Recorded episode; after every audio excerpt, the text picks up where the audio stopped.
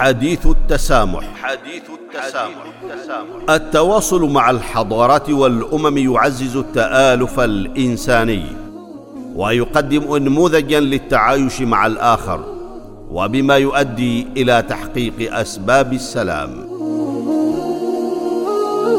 حديث التسامح برنامج يعده ويقدمه معالي الدكتور محمد بن سعيد المعمري. وزير الأوقاف والشؤون الدينية حديث التسامح, التسامح.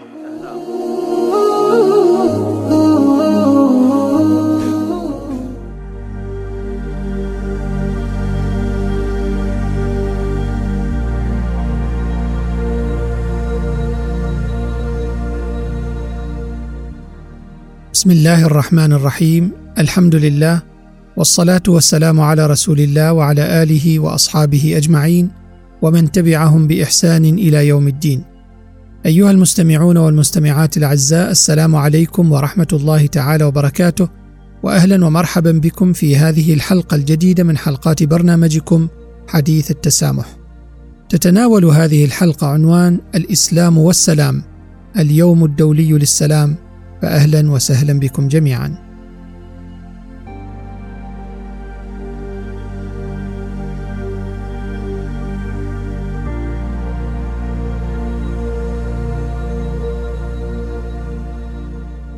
يحتفل العالم في الحادي والعشرين من سبتمبر من كل عام باليوم العالمي للسلام وهو يوم تدعو فيه منظمة الأمم المتحدة مختلف أطراف النزاعات إلى الامتناع عن العنف وتقديم الحلول والمبادرات السلمية تاكيدا على ضرورة السلام للعالم أجمع. ويأتي اليوم الدولي للسلام كل عام ليذكر المجتمع الدولي والمجتمعات المحلية والشعوب من حول العالم بضرورة السلام فيها وبينها. وهذا العام يأتي اليوم الدولي للسلام تحت شعار العمل من أجل السلام طموحنا لتحقيق الأهداف العالمية. ويقصد بالأهداف العالمية هنا أهداف خطة التنمية المستدامة 2030 في هذه الحلقة سنلقي الضوء على الإسلام وارتباطه الوثيق بالسلام. واتساق تعاليمه مع الأهداف الرامية إلى تحقيق التنمية المستدامة الشاملة للجميع. أيها المستمعون والمستمعات إن الإسلام دين ممتد عبر القارات وله تأثير على المليارات حول العالم. له مبادئ أساسية متجذرة في صناعة السلام. ذاك السلام الذي يستقي قوته من الإيمان والاستسلام التام والطاعة لله عز وجل. إن الإيمان الذي يدعو إليه الإسلام يدور بعمق حول مفهوم السلام مع الله ومع الذات ومع الناس وكافة المخلوقات. وفي جوهره فإن الإسلام يعزز التوازن في جميع جوانب الحياة ويشجع على اتباع طريق وسط بين النقيضين. ولا يقتصر هذا التوازن على الحياة الشخصية للإنسان فحسب بل يمتد إلى تفاعلات الإنسان وعلاقاته مع المجتمع والبيئة من حوله. عندما بعث الرسول محمد صلى الله عليه وآله وسلم وأمر بالدعوة إلى الله والإسلام فقد كان مقدرا له أن تصل رسالته إلى مختلف الطوائف والأعراق والثقافات واللغات. ولذا فقد أسس الإسلام السلام منذ بزوغ فجره.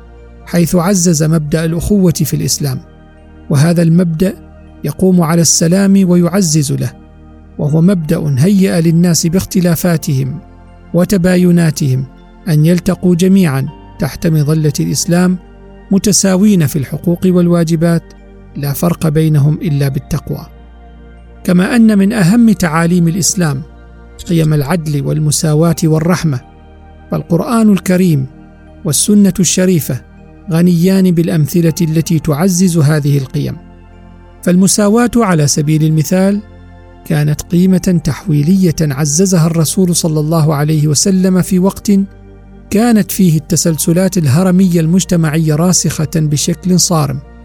وقد شدد النبي صلى الله عليه وآله وسلم على ذلك فقال أيها الناس إن ربكم واحد وإن أباكم واحد كلكم لآدم. وآدم من تراب أكرمكم عند الله أتقاكم. ليس لعربي فضل على عجمي إلا بالتقوى.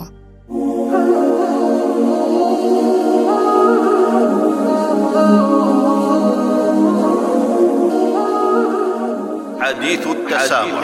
التواصل مع الحضارات والأمم يعزز التآلف الإنساني ويقدم انموذجا للتعايش مع الآخر. وبما يؤدي إلى تحقيق أسباب السلام.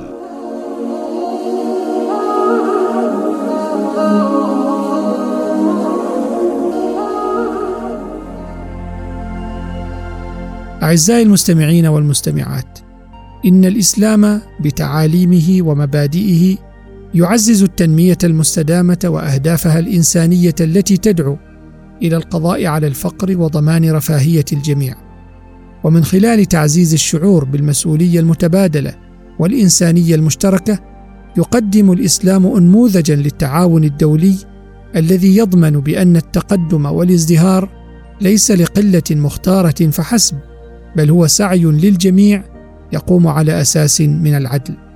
وتعكس مبادئ العدل والإحسان في الإسلام روح الاستدامة.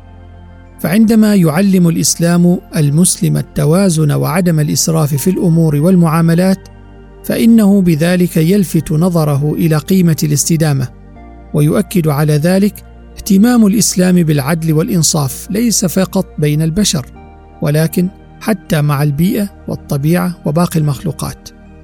إن علاقة المسلم مع الطبيعة تقوم على اعتبارها أمانة من الله سبحانه وتعالى. وبأنه مسؤول مساءلة تامة عنها وعن ممارساته تجاهها وهذه العلاقة هي في ذاتها روح الاستدامة وجوهرها. وفي قلب أهداف الأمم المتحدة للتنمية المستدامة تكمن الرغبة في بناء عالم أكثر انصافا وازدهارا واستدامة للجميع ومعالجة التحديات المعقدة على رأسها الفقر والجوع وتغير المناخ وغياب العدل وغيرها. هذه الطموحات رغم حداثتها في المجتمع الدولي إلا أن لها صدى عميقا في رسالة الإسلام وتعاليمه التي أرسل بها النبي محمد صلى الله عليه وآله وسلم. وفي القرآن الكريم توجيهات عدة للاستخدام الأخلاقي للموارد وأهمية العدالة والإنصاف. ومثال على ذلك قوله سبحانه وتعالى يا بني آدم خذوا زينتكم عند كل مسجد وكلوا واشربوا ولا تسرفوا إنه لا يحب المسرفين. إذ تؤكد هذه الآية الكريمة على أهمية الابتعاد عن الإسراف وضرورة الاستهلاك المعتدل وإدارة الموارد باستدامة. أيها المستمعون والمستمعات لا يمكن النظر إلى الإسلام دون ملاحظة القيمة الكبيرة التي يضعها على المجتمع الإنساني. فالمجتمع في الإسلام أكثر من مجرد التقاء مجموعة من الأفراد بل هي منظومة موحدة تعمل بانسجام من أجل رفاهية الجميع. وأما الإنسان في الإسلام فهو محور الاهتمام وهو الذي من أجله يعمل هذا الكون بانسجام تام من أجل تحسين أوضاعه. وتتعدى المنفعة في الإسلام من الفرد إلى المجتمع فلذلك يدعو الإسلام إلى التعاون والوحدة والتضامن.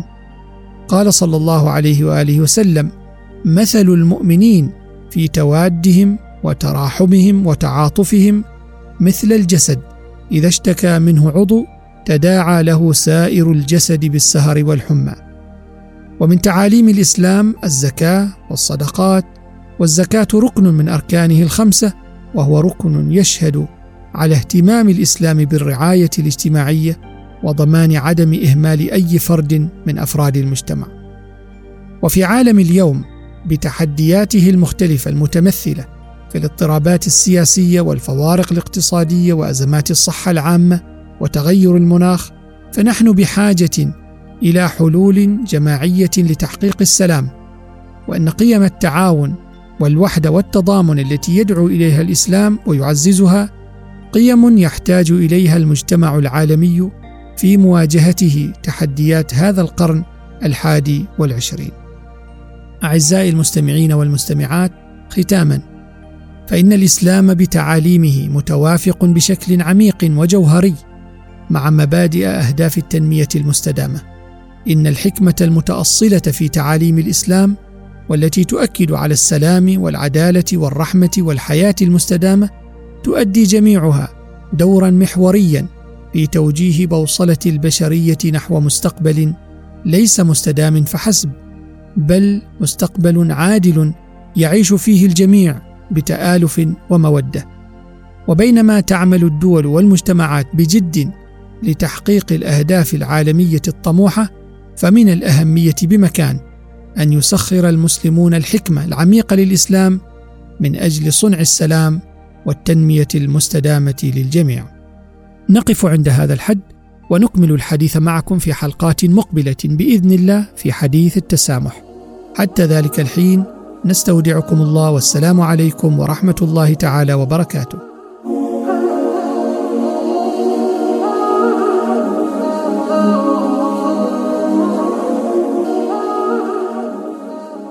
حديث التسامح. حديث التسامح. التواصل مع الحضارات والأمم يعزز التآلف الإنساني ويقدم انموذجا للتعايش مع الآخر وبما يؤدي إلى تحقيق أسباب السلام.